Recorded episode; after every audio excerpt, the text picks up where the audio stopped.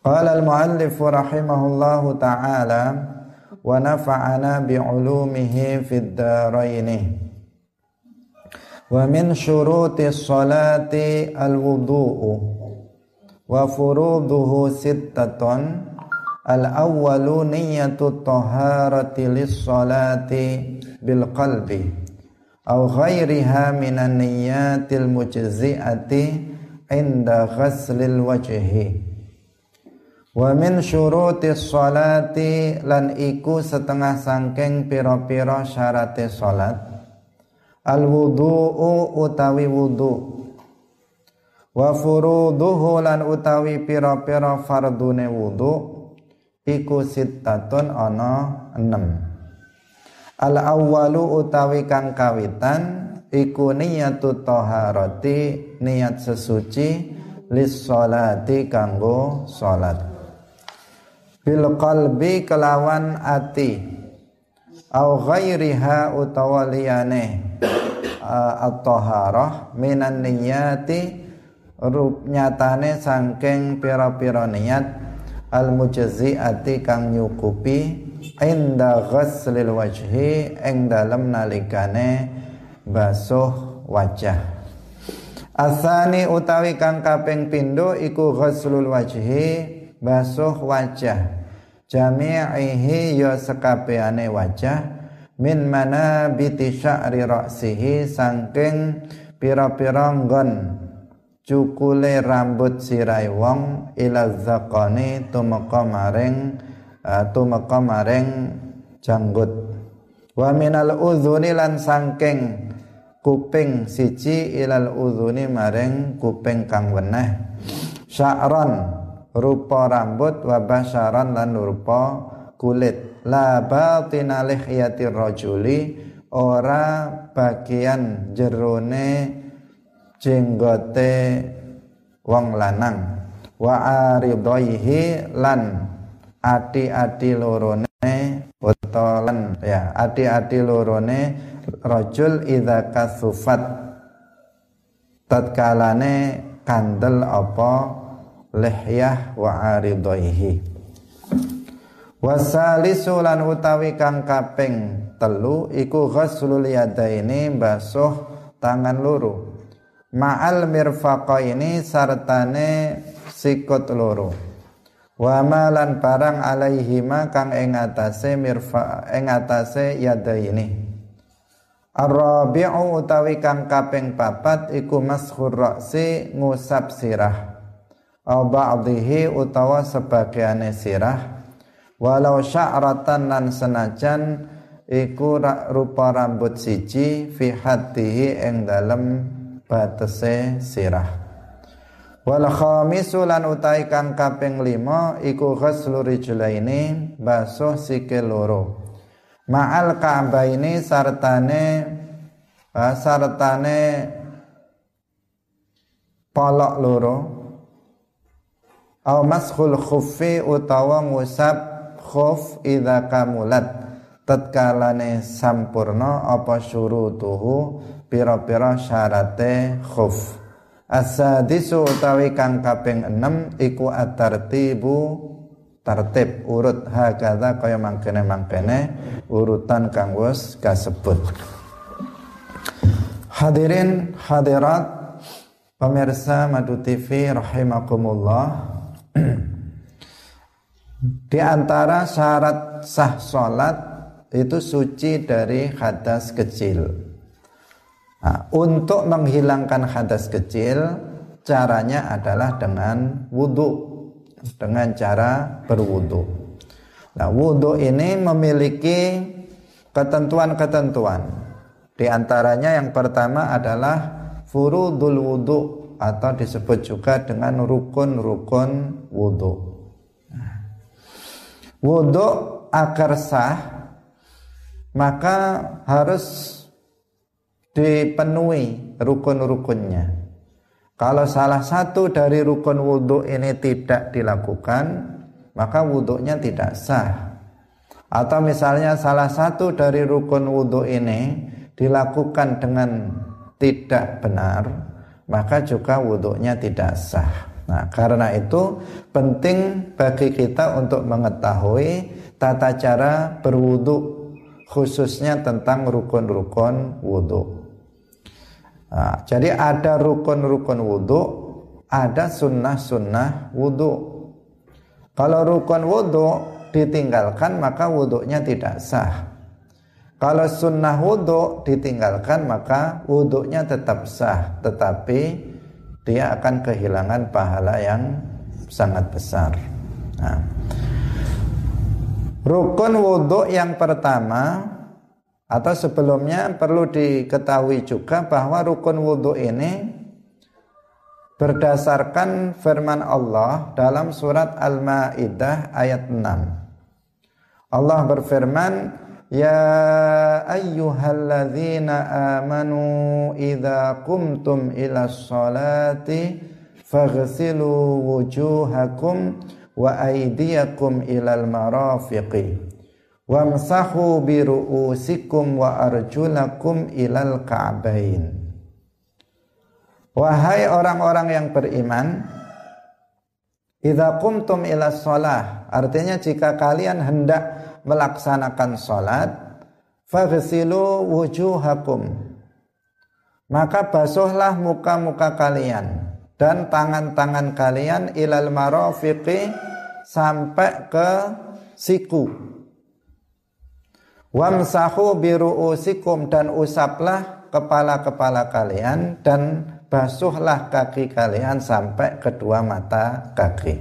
Ini adalah dasar dari rukun wudhu tetapi dalam ayat ini rukun wudhu disebutkan empat yaitu membasuh muka, membasuh tangan sampai ke siku, kemudian mengusap kepala dan membasuh kaki.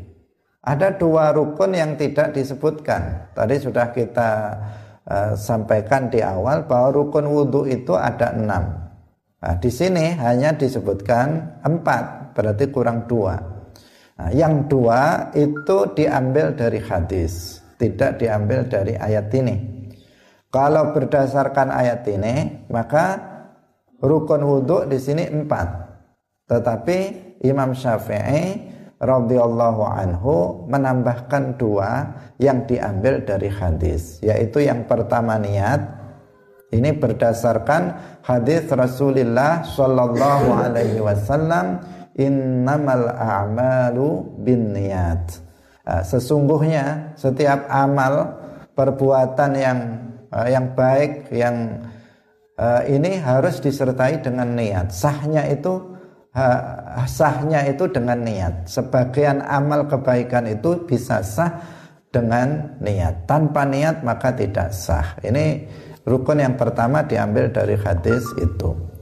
Kemudian rukun yang keenam yaitu tertib. Dalam ayat ini juga nggak ada. Nah, maka ini diambil juga dari hadis Rasulullah Rasulullah bersabda ibda'u bima bada Allah. Mulailah kalian artinya dalam melakukan ibadah itu mulailah sebagaimana yang Allah mulai. Nah, dalam ayat ini ini kan dimulai berurut mulai apa? Faghsilu wujuhakum. Kemudian wa aydiyakum ilal marafiqi. Kemudian wamsahu biruusikum kemudian wa arjulakum ilal ka'bain. Maka dimulai dari mana? Dimulai dari membasuh muka. Kemudian membasuh kedua tangan. Kemudian mengusap kepala. Kemudian membasuh kaki. Nah, urutannya seperti yang ada dalam ayat. Ibda'u bima bada Allah uh, mulailah dari uh, yang dimulai oleh Allah. Allah di sini memulainya dengan apa? Dengan faghsilu wujuhakum. Kemudian wa arjula kemudian wa aydiyakum ilal marafiq. Kemudian wamsahu bi ruusikum. Kemudian wa arjulakum ilal ka'bain. Maka urutannya seperti yang disebutkan dalam Al-Qur'an ini. Nah, dari sinilah kemudian diambil kesimpulan bahwa salah satu rukun wudhu adalah at-tertib yaitu rukun yang ke-6 hadirin rahimakumullah Rukun wudhu yang pertama adalah niat, an-niyat. Nah, niyatut taharah lis bil qalb au ghairiha minan niyatil mujzi'ah inda ghaslil wajhi. Nah, maka berdasarkan penjelasan ini, penjelasan dari mu'alif ini, ada beberapa hal yang penting untuk kita perhatikan ketika berniat wudhu. Yang pertama, bahwa niat itu harus dengan menggunakan niat yang mujziah, niat yang mencukupi. Niat yang mencukupi itu bagaimana? Niat yang dianggap sah ya. Niat yang dianggap sah dalam berwudu itu seperti apa? Yang pertama bisa niatnya itu adalah niat toharah lissolah. Jadi dalam hatinya dia mengatakan nawaitu toharah lissolah. Saya niat bersuci untuk melaksanakan sholat. Atau dia bisa mengatakan nawaitu fardol wudu. Saya niat fardu wudu. Itu juga cukup. Atau langsung cuman nawaitul wudu. Dalam hatinya saya niat wudu. Gitu saja sudah cukup. Dalam hatinya mengatakan begitu. Atau dia mengatakan nawaitu raf al hadatsil asghar. Dalam hatinya saya berniat untuk menghilangkan hadas kecil. Nah, ini ini adalah yang disebut dengan niat mujziah, niat yang mencukupi untuk wudhu. Biasanya pada umumnya itu niat wudhu itu di dirangkap-rangkap nawaitul wudhu'a kemudian ditambahi lagi liraf il hadatsil asghari. Nah, itu sudah ganda. Nah, ini juga mencukupi, nah, mencukupi. Tetapi niat seperti itu tidak selamanya itu sesuai. Nah, dalam kondisi-kondisi tertentu. Misalnya seseorang yang uh, daimul hadas misalnya, orang yang memiliki penyakit beser atau seorang perempuan yang uh, istihadah, nah ini niatnya lirafil hadatsil asghar itu kalau niat wudhu seperti itu tidak tidak pas karena apa? Karena niatnya itu bukan untuk menghilangkan hadas karena hadasnya nggak bisa dihilangkan karena terus keluar. Nah, di sini apa? Niatnya misalnya nawaitu istibahatas sholat. Saya niat agar boleh melaksanakan sholat. Itu niat niatnya. Nah, hadirin yang dirahmati oleh Allah, ini yang pertama, niatnya harus dengan niat yang mencukupi, yang dianggap sah, seperti yang tadi kita sebutkan. Mungkin kita ulangi lagi biar lebih jelas lagi. Jadi niat wudhu itu bisa bermacam-macam. Nah, tergantung yang kita inginkan, terserah dari niat-niat yang mencukupi. Yaitu pertama misalnya kita mengatakan dalam hati nawaitu toharota lissolah. Saya niat bersuci untuk sholat. Dalam hati mengatakan begitu atau langsung cuman dalam hati mengatakan nawaitul wudu'a saya niat wudu. Dalam hati mengatakan begitu. Atau dia dalam hatinya mengatakan nawaitu fardul wudu. Saya niat fardu wudu.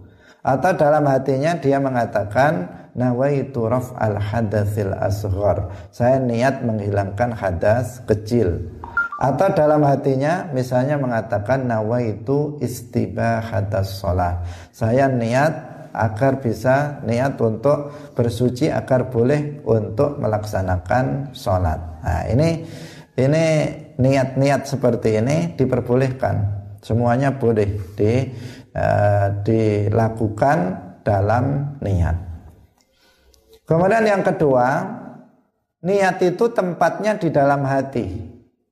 Niat itu tempatnya dalam hati, bukan di lisan. Dalam hati-hati yang harus bicara hari hati yang niat. Nah, niat dalam hatinya. Tadi kita sampaikan dalam hatinya saya niat wudhu. Mengatakan seperti itu. Itulah niat. Itu letaknya di dalam hati.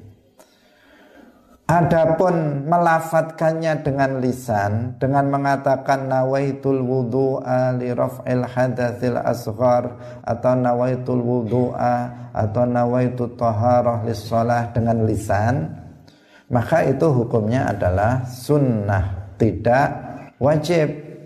Nah, tidak wajib.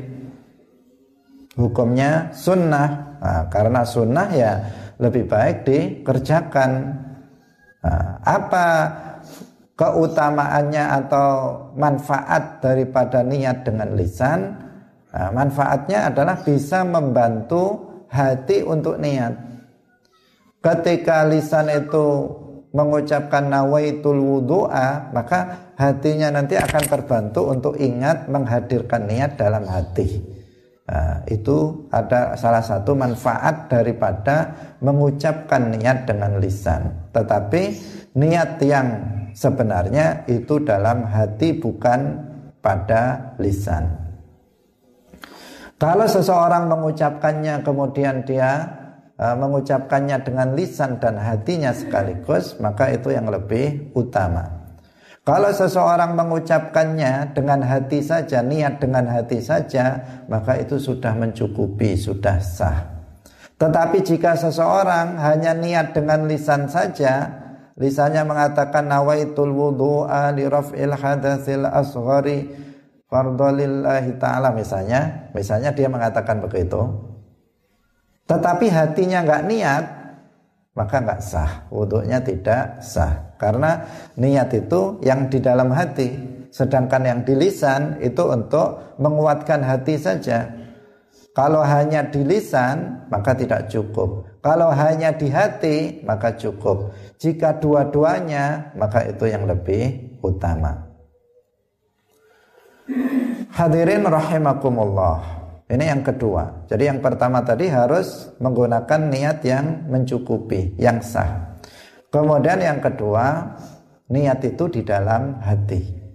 Kemudian yang ketiga, niat itu dilakukan bersamaan dengan membasuh bagian pertama dari muka.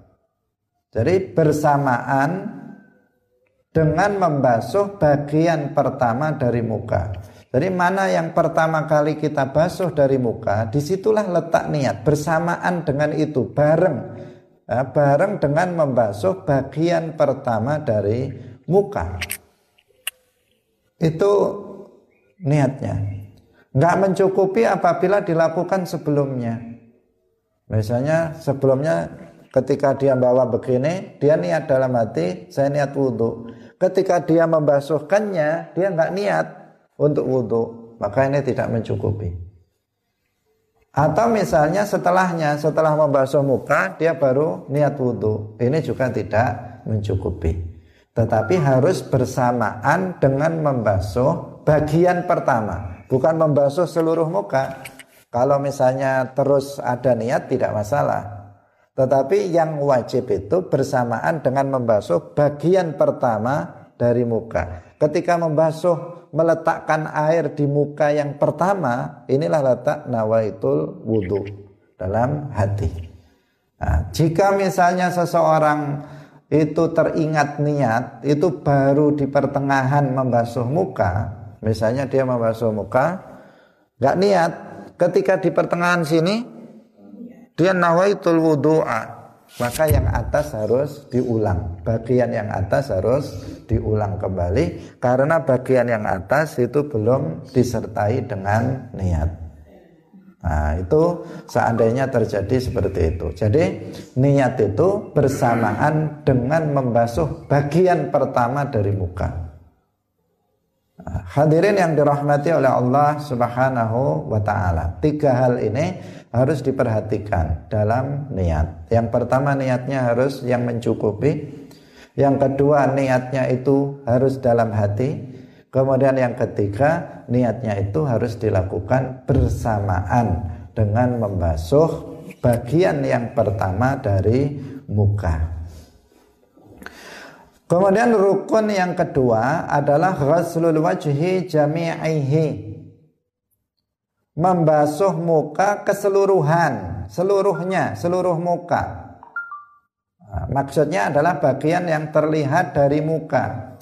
Lah batasan muka itu mana? Batasan muka itu min mana biti sya'rir ra'sihi ilal zaqan wa minal udhuni ilal udhuni Batasan muka itu panjangnya, kalau panjangnya itu dari tempat tumbuhnya, ini panjang atau lebar ini sebenarnya, lebar ya. Nah, lebarnya itu dari mulai tempat tumbuhnya rambut menurut ukuran normal, bukan orang yang botak, juga bukan orang yang apa rambutnya tumbuh di depan, tetapi menurut ukuran normal seperti kita ini, ini normal. Nah, tempat tumbuh tumbuhnya rambut di sini. Nah, muka itu dari sini sampai ke dagu. Wa minal udhuni ilal udhun. Nah, panjangnya itu dari mana? Dari telinga kanan ke telinga kiri. Nah, dari watatul udhun di sini ada anak telinga kecil. Dari sini sampai ke anak telinga ini. Ini adalah batas batas muka dari lebarnya atau dari panjangnya. Nah, dari panjangnya. Nah, tapi panjang ke sini. Tetapi kalau istilahnya kan kalau ke sini panjang kalau ke sini lebar. Nah jadi seperti itu batasnya. Semua yang terlihat semua yang terlihat pada muka itu berada pada batas muka itu yang terlihat maka wajib untuk dibasuh. Yang terlihat itu misalnya kalau mulut itu ketika mingkem itu yang terlihat. Ini wajib basah. Bagian dalam dari mulut itu tidak wajib dibasuh. Tidak dia, tidak wajib dibasuh ketika membasuh muka. Kemudian hidung yang terlihat saja. Bagian dalam hidung itu tidak wajib dibasuh. Yang enggak terlihat yang enggak terlihat ketika dalam begini ketika dalam biasa Ah, bukan ketika ditengok ah, atau ketika mangap bukan ketika apa? Ketika ketika dia uh, mingkem apa itu? Ketika dia tidak membukakan mulutnya bagian yang terlihat itu yang harus kena kena air. Nah adapun mata Nah, maka bagian dalam mata tidak wajib dibasuh, tetapi ketika dia apa namanya memejamkan mata, maka bagian yang luar ini yang wajib untuk dibasuh. Nah, jadi yang dimaksud muka adalah bagian yang terlihat dari muka. Yang nggak terlihat maka itu tidak uh, wajib dibasuh. Yang tidak terlihat yang dimaksud apa? Bagian dalam dari mulut, bagian dalam dari mata, bagian dalam dari hidung itu tidak wajib untuk dibasuh ketika seseorang berwudu. Pemirsa yang dirahmati oleh Allah Subhanahu wa taala. Jadi dari mulai semua ya, dari mulai tempat tumbuhnya rambut sampai dagu ini. Nah, dagu itu adalah pertemuan pertemuan antara dua rahang. Di sini ada rahang bagian kanan, ada rahang bagian kiri. Nah, di sini pertemuannya namanya dagu. Uh, janggut kalau dalam bahasa kita itu adalah janggut. Nah, itu itu sampai ke situ. Atau nah, hadirin yang dirahmati oleh Allah Subhanahu wa taala. Kalau misalnya di dalam muka itu tumbuh rambut. Jadi ini ada rambut, ada rambut. Misalnya ada rambut yang lain di pipinya atau di apa namanya di uh, keningnya misalnya, maka itu juga wajib untuk dibasuh. Nah, wajib dibasuh. Kemudian yang berikutnya yang perlu untuk kita perhatikan bahwa bagian dalam dari jenggot laki-laki nah, bagian dari jenggot dan jambang laki-laki. Ini dilihat jika jenggotnya itu termasuk tebal jambangnya itu tebal maka tidak wajib memasukkan air sampai ke dalam kulit. Tetapi jika jenggotnya itu tebal eh, jika jenggotnya itu tipis maka air harus masuk sampai ke kulit dalam bagian jenggot tersebut. Nah, ini untuk laki-laki. Nah, untuk melihat tebal atau tipisnya itu di di apa diukur dari ketika kita misalnya berbicara dengan dengan dia maka jika masih terlihat kulit bagian dalam jenggotnya maka berarti tipis nah, kalau kita lihat ketika kita bercakap-cakap berbicara dengannya kemudian kulit kulit jenggot itu kulit dalam jenggot itu masih terlihat dalam uh, apa percakapan itu, maka berarti itu apa? Berarti jenggotnya tipis.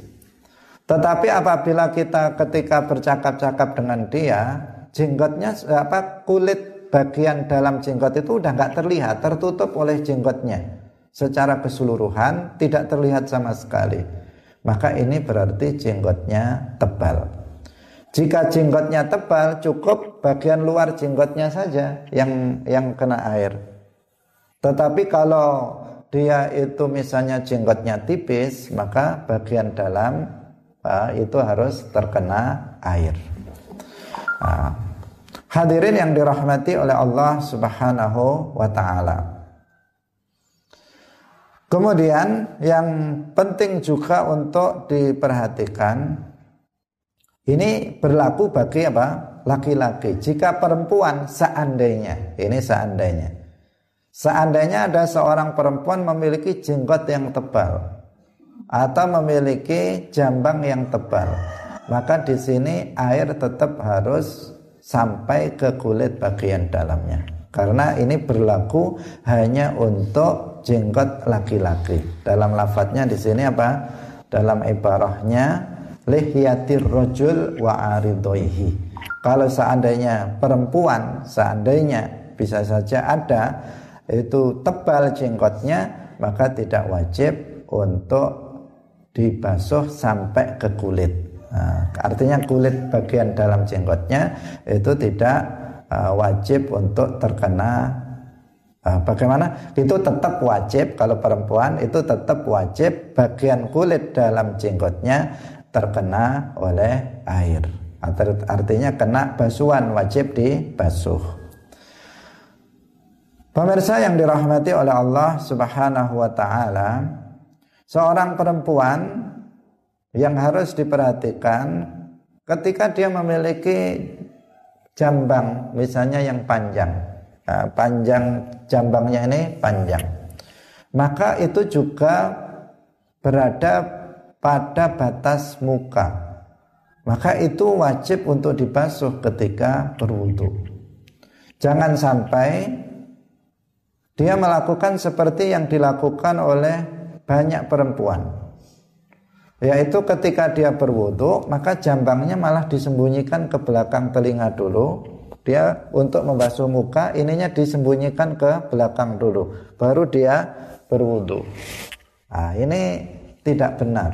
Nah, seharusnya kalau itu jambangnya ada di sini, ini kan namanya jambang ya di sini. Dia memiliki apa? Dia adalah berada pada batas wajah. Karena berada pada batas wajah, maka harus dibasuh. Enggak boleh dia tertinggal dari basuhan ketika membasuh wajah. Jika dia tinggalkan, maka tidak sah membasuh mukanya. Jika tidak sah membasuh mukanya, berarti wudhunya nanti juga tidak sah. Nah, ini penting untuk diperhatikan. Nah, karena sering kita melihat kaum perempuan kalau berwudhu bersiap-siap berwudhu malah jambangnya itu apa?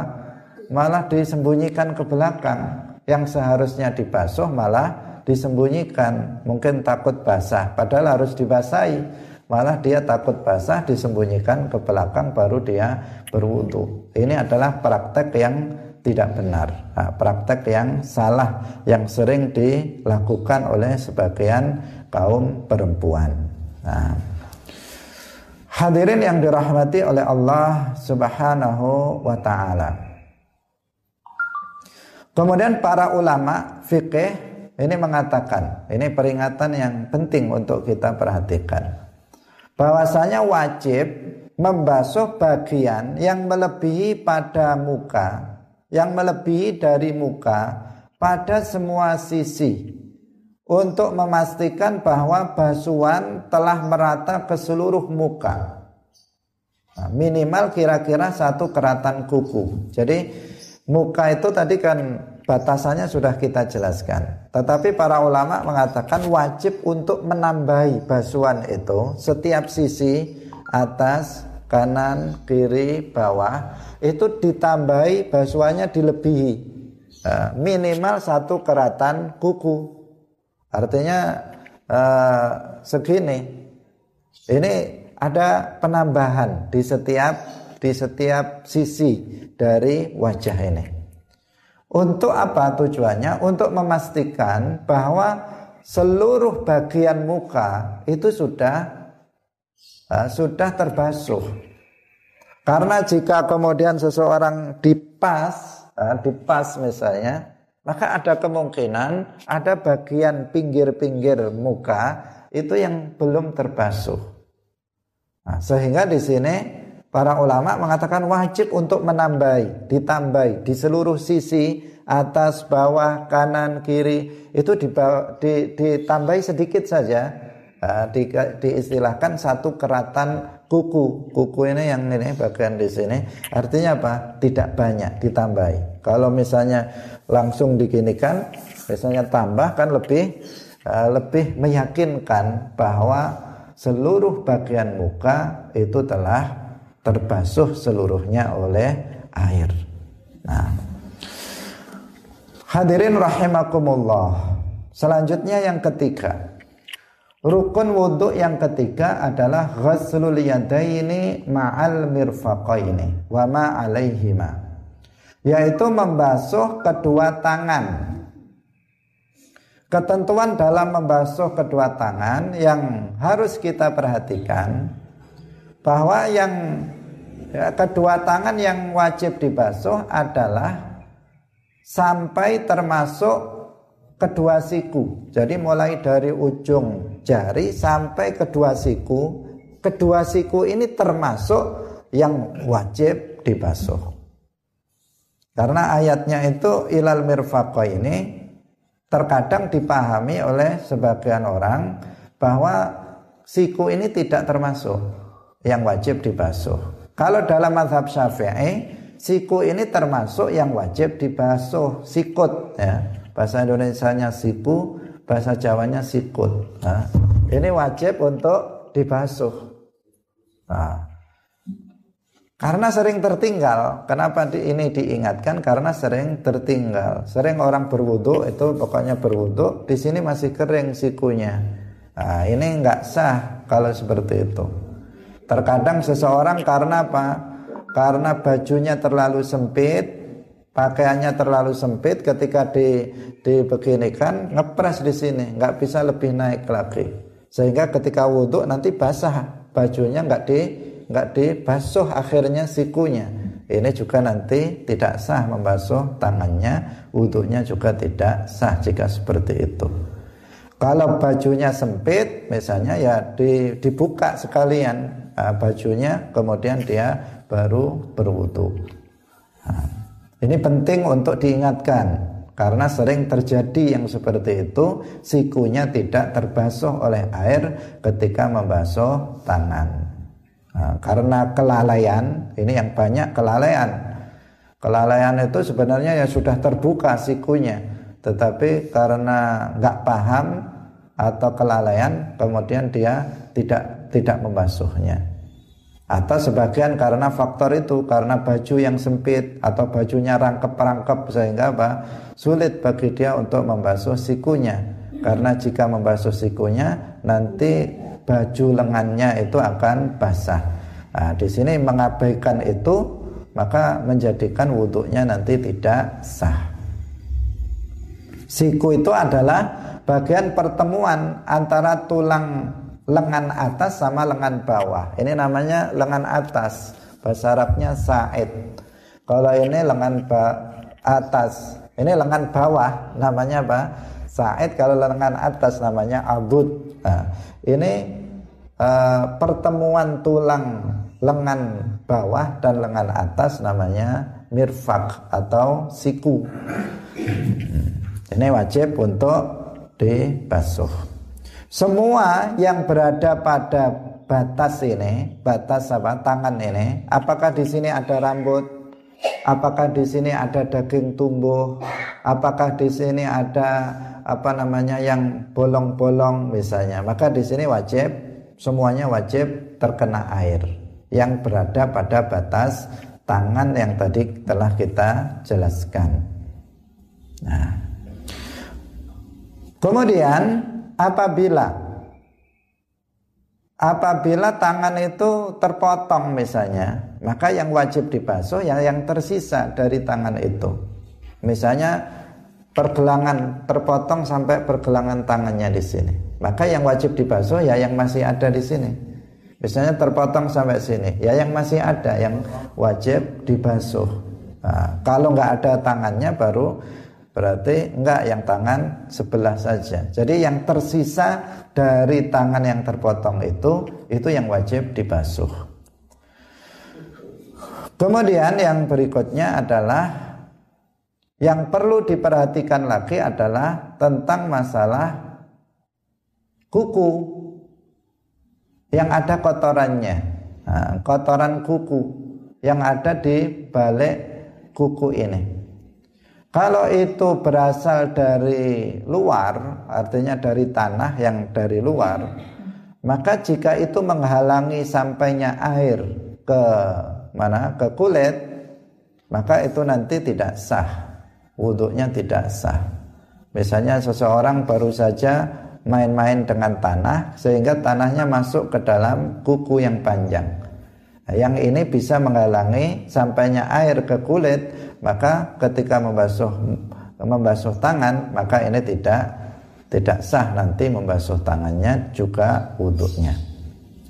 Tetapi jika kotoran yang berada di kuku itu adalah e, kotoran keringat, nah, maka di sini ada khilaf di antara para ulama. Sebagian ulama mengatakan itu makfu dimaafkan. Sebagian ulama mengatakan itu tetap bisa meng, jika menghalangi sampainya air ke kulit itu tetap tidak uh, tidak sah. Ini uh, apa ada uh, perbedaan pendapat. Karena itu yang lebih uh, yang lebih baik kita berhati-hati. nggak usah memelihara kuku yang panjang bagi laki-laki khususnya tidak memelihara yang panjang apabila kita tidak bisa merawatnya. Apabila kita nggak sempat merawatnya sehingga banyak kotoran di bawahnya, apa ini maka apa lebih baik dia dipotong sampai bersih agar tidak ada nanti kotoran yang berada di bawah kuku tersebut. Hmm. Hadirin yang dirahmati oleh Allah Subhanahu wa taala. Kalau ada duri yang menancap di tangan, misalnya ada duri menancap di sini, maka bagaimana yang seperti itu? Nah, jika masih terlihat, jadi durinya itu, durinya bagian atas durinya itu masih terlihat, maka wajib untuk dicabut. Jika masih terlihat. Tetapi jika duri tersebut sudah tertanam dalam kulit, nah, sudah masuk ke dalam kulit, tertanam dalam kulit, sudah nggak terlihat apa namanya bagian atasnya yang bisa dicabut karena sudah tertanam, maka di sini tidak wajib dia untuk mencabutnya. Nah, jadi langsung dibasuh ketika dia berwudu langsung dibasuh seperti itu. Tetapi jika ada durinya, yang ini Kan kalau ada duri nanti bisa menghalangi sampainya air. Maka di sini harus dicabut seandainya masih masih kepala durinya itu masih terlihat di atas kulit. Nah, dicabut. Tetapi jika sudah tertanam di dalam kulit, maka tidak wajib untuk dibasuh. Hadirin rahimakumullah. Kemudian yang rukun yang keempat adalah mengusap kepala. Mengusap kepala. Di sini ada beberapa hal yang perlu kita perhatikan ketika kita mengusap kepala. Yang pertama, dalam mazhab syafi'i, mazhab yang kita anut ini, yang wajib diusap itu adalah sebagian kepala, bukan seluruh kepala. Kalau dalam mazhab yang lain ada yang harus seluruh kepala. Kalau dalam mazhab syafi'i, sebagian kepala. Sebagian dari kepala. Bahkan dikatakan di sini, meskipun hanya satu rambut yang berada pada batas kepala. Jadi batas kepala itu dulu yang perlu kita ketahui. Batas kepala itu adalah mulai dari tempat tumbuhnya rambut di sini sampai ya, sampai ke belakang sampai nukroh. Nukroh itu lubang yang berada di akhir uh, belakang kepala. Jadi kalau di akhir kepala kita di sini itu ada lubang di situ itu namanya nukroh sampai situlah batas kepala nah, jadi yang diusap di situ kalau ini muka ini bukan kepala. Nah, jadi bukan yang diusap sini bukan. Tetapi batas kepala yang dimaksud adalah mulai dari sini tempat tumbuhnya rambut sampai ke belakang. Di belakang ada uh, semacam lubang di sini. Ini namanya nukroh. Sampai batas inilah yang disebut dengan kepala. Maka yang diusap ketika mengusap kepala dalam wudhu adalah uh, di bagian itu bisa bagian depannya misalnya yang diusap atau bisa bagian tengahnya atau bisa bagian belakangnya uh, dari kepala tersebut. Kalau dalam mazhab Syafi'i karena tidak harus keseluruhan kepala yang diusap. Nah di sini adalah mengusap bukan dibasuh. Kalau tadi muka itu dibasuh, kedua tangan itu dibasuh. Kalau kepala itu diusap. Kalau dibasuh itu disyaratkan airnya harus mengalir. Baik mengalir dengan sendirinya atau dialirkan dengan tangan. Itu namanya membasuh. Kalau mengusap itu adalah cukup airnya membasahi tangan. Jadi nggak harus ada air di sini yang mengalir, tetapi tangannya basah di, dimasukkan ke air, kemudian tangannya sudah basah, kemudian diusapkan. Ini namanya mengusap. Jadi tidak disyaratkan dalam mengusap itu apa? Airnya mengalir. Kalau dalam membasuh, maka airnya diwajibkan harus mengalir. Kalau dalam mengusap itu tidak disyaratkan airnya mengalir. Ini. Kemudian yang berikutnya yang perlu untuk kita perhatikan juga bahwa kalau kita mengusap misalnya rambut, tadi dikatakan satu rambut yang penting berada pada batas kepala itu mencukupi. Nah, yang penting diperhatikan adalah rambut itu berada pada batas kepala. Kalau misalnya seseorang perempuan misalnya memiliki rambut yang sangat panjang sampai uh, sampai ke sini misalnya. Kemudian diusap yang bagian sini uh, rambutnya sah atau tidak? Tidak sah. Karena rambut yang kalau dia mengusap rambut maka yang wajib diusap itu rambut yang berada di kepala. Bukan rambut yang yang di bawah kepala, tetapi rambut yang berada pada batas kepala. Maka kalau yang diusap bagian sini, rambut yang sini nggak sah, tapi harus rambut yang di kepala ini, yang apa namanya, yang wajib untuk dibasuh. Nah, karena bisa terjadi, bisa terjadi bagi orang-orang yang memiliki rambut panjang, kemudian diusap di sini. Ini tidak tidak bisa. Karena di sini yang diusap itu pada dasarnya bukan rambut tetapi apa? Kepala. Mashu ba'dir ra'si. Bukan mengusap rambut tapi mengusap kepala. Lah, kalau misalnya mau mengusap rambut boleh apa enggak? Boleh, tetapi rambut yang ada di kepala. Nah, rambut yang ada pada batas kepala ini. Nah, ini penting untuk diperhatikan karena bisa terjadi khususnya yang memiliki rambut panjang. Misalnya eman-eman di sini sudah pakai sisir misalnya. Kemudian apa? Wah sini aja misalnya.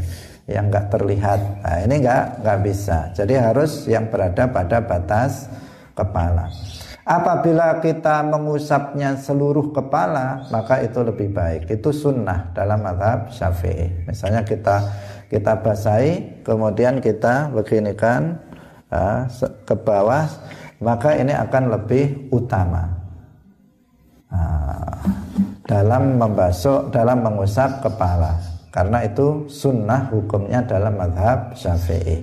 Dalam madhab yang lain bahkan hukumnya wajib harus mengusap keseluruhan kepala. Hadirin rahimakumullah rukun yang kelima adalah membasuh kedua kaki ma'al ka'bain Nah, membasuh kaki termasuk kedua mata kaki. Nah, ke, kedua mata kaki. Semua yang berada pada kedua kaki, apakah itu berupa rambut, berupa daging tumbuh atau lainnya, maka itu wajib untuk dibasuh. Yang meletak-meletak misalnya, maka itu wajib terkena air seluruhnya. Nah, jangan sampai itu terlewatkan sehingga masih masih kering. Nah, termasuk apa tadi? Mata kakinya. Ini yang sering terkadang apa? Terlewat juga mata kakinya masih kering. Ini juga nggak bisa. Jadi kedua mata kaki itu termasuk yang wajib untuk dibasuh. Nah. Kemudian bagi orang yang memakai khuf, nah ini meskipun jarang ya. Yang khuf yang memenuhi syarat yang sekarang ini jarang. Ini pada masa lalu masa sekarang juga ada. Tetapi kalau di Indonesia itu jarang yang seseorang menggunakan khuf dengan semacam apa namanya khuf yang memenuhi ketentuan untuk bisa diusap sebagai pengganti membasuh kaki. Khuf itu semacam sepatu tapi ya bukan kayak sepatu yang kita pakai. Juga semacam kaos kaki tetapi bukan kaos kaki yang kita pakai itu. Karena ada ketentuan-ketentuannya khuf itu. Yaitu suci khuf itu ketentuannya syaratnya untuk diusap. Jadi kalau seseorang memakai khuf itu khufnya nggak perlu dibuka. Jadi dia nggak nggak perlu membasuh kedua kakinya tetapi cukup khufnya itu yang diusap di bagian atasnya. Itu itu pengganti dari membasuh kaki ketika seseorang berwudu. Tapi syaratnya khufnya harus memenuhi syarat. Syaratnya apa? Yang pertama suci. Artinya terbuat dari benda yang suci, bukan terbuat misalnya dari bangkai, kulit bangkai misalnya atau dari kulit anjing atau kulit babi misalnya, maka itu tidak bisa. Kemudian menutup seluruh telapak kaki. Jadi khuf itu harus menutup seluruh telapak kaki sampai ke mata kaki. Harus menutup seluruhnya. Kalau sebagian maka atau mata kakinya tidak tertutup maka tidak tidak mencukupi. Kemudian bisa dipakai berjalan tanpa sandal untuk keperluan musafir. Untuk melakukan perjalanan jauh tanpa menggunakan sandal hanya dengan menggunakan khuf itu maka itu kuat, nah, kuat.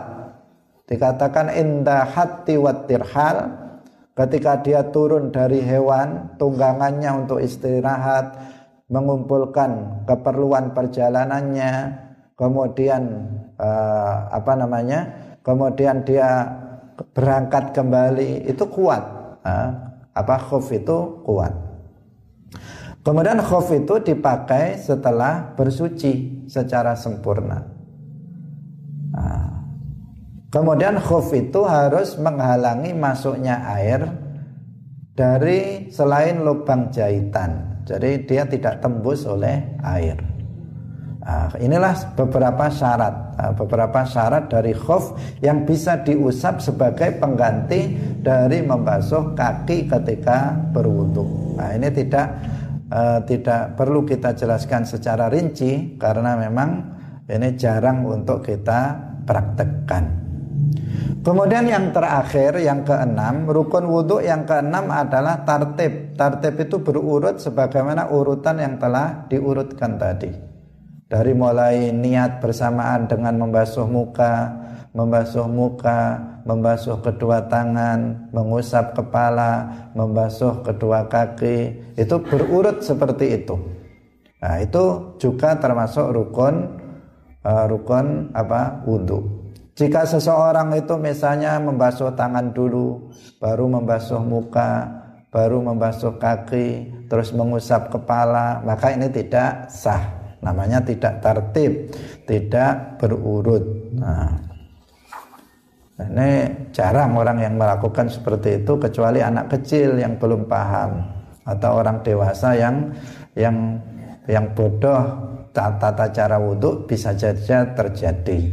Nah, harus berurut. Nah, sebagaimana tadi di awal sudah kita jelaskan ibda'u bima bada Allah. Nah, sesuai urutan yang telah disebutkan di dalam Al-Qur'an idza kumtum ila salati faghsilu wujuhakum wa aydiyakum ilal marafiqi wamsahu biru'usikum wa arjulakum ilal ka'bain. Harus berurut uh, sebagaimana urutan tersebut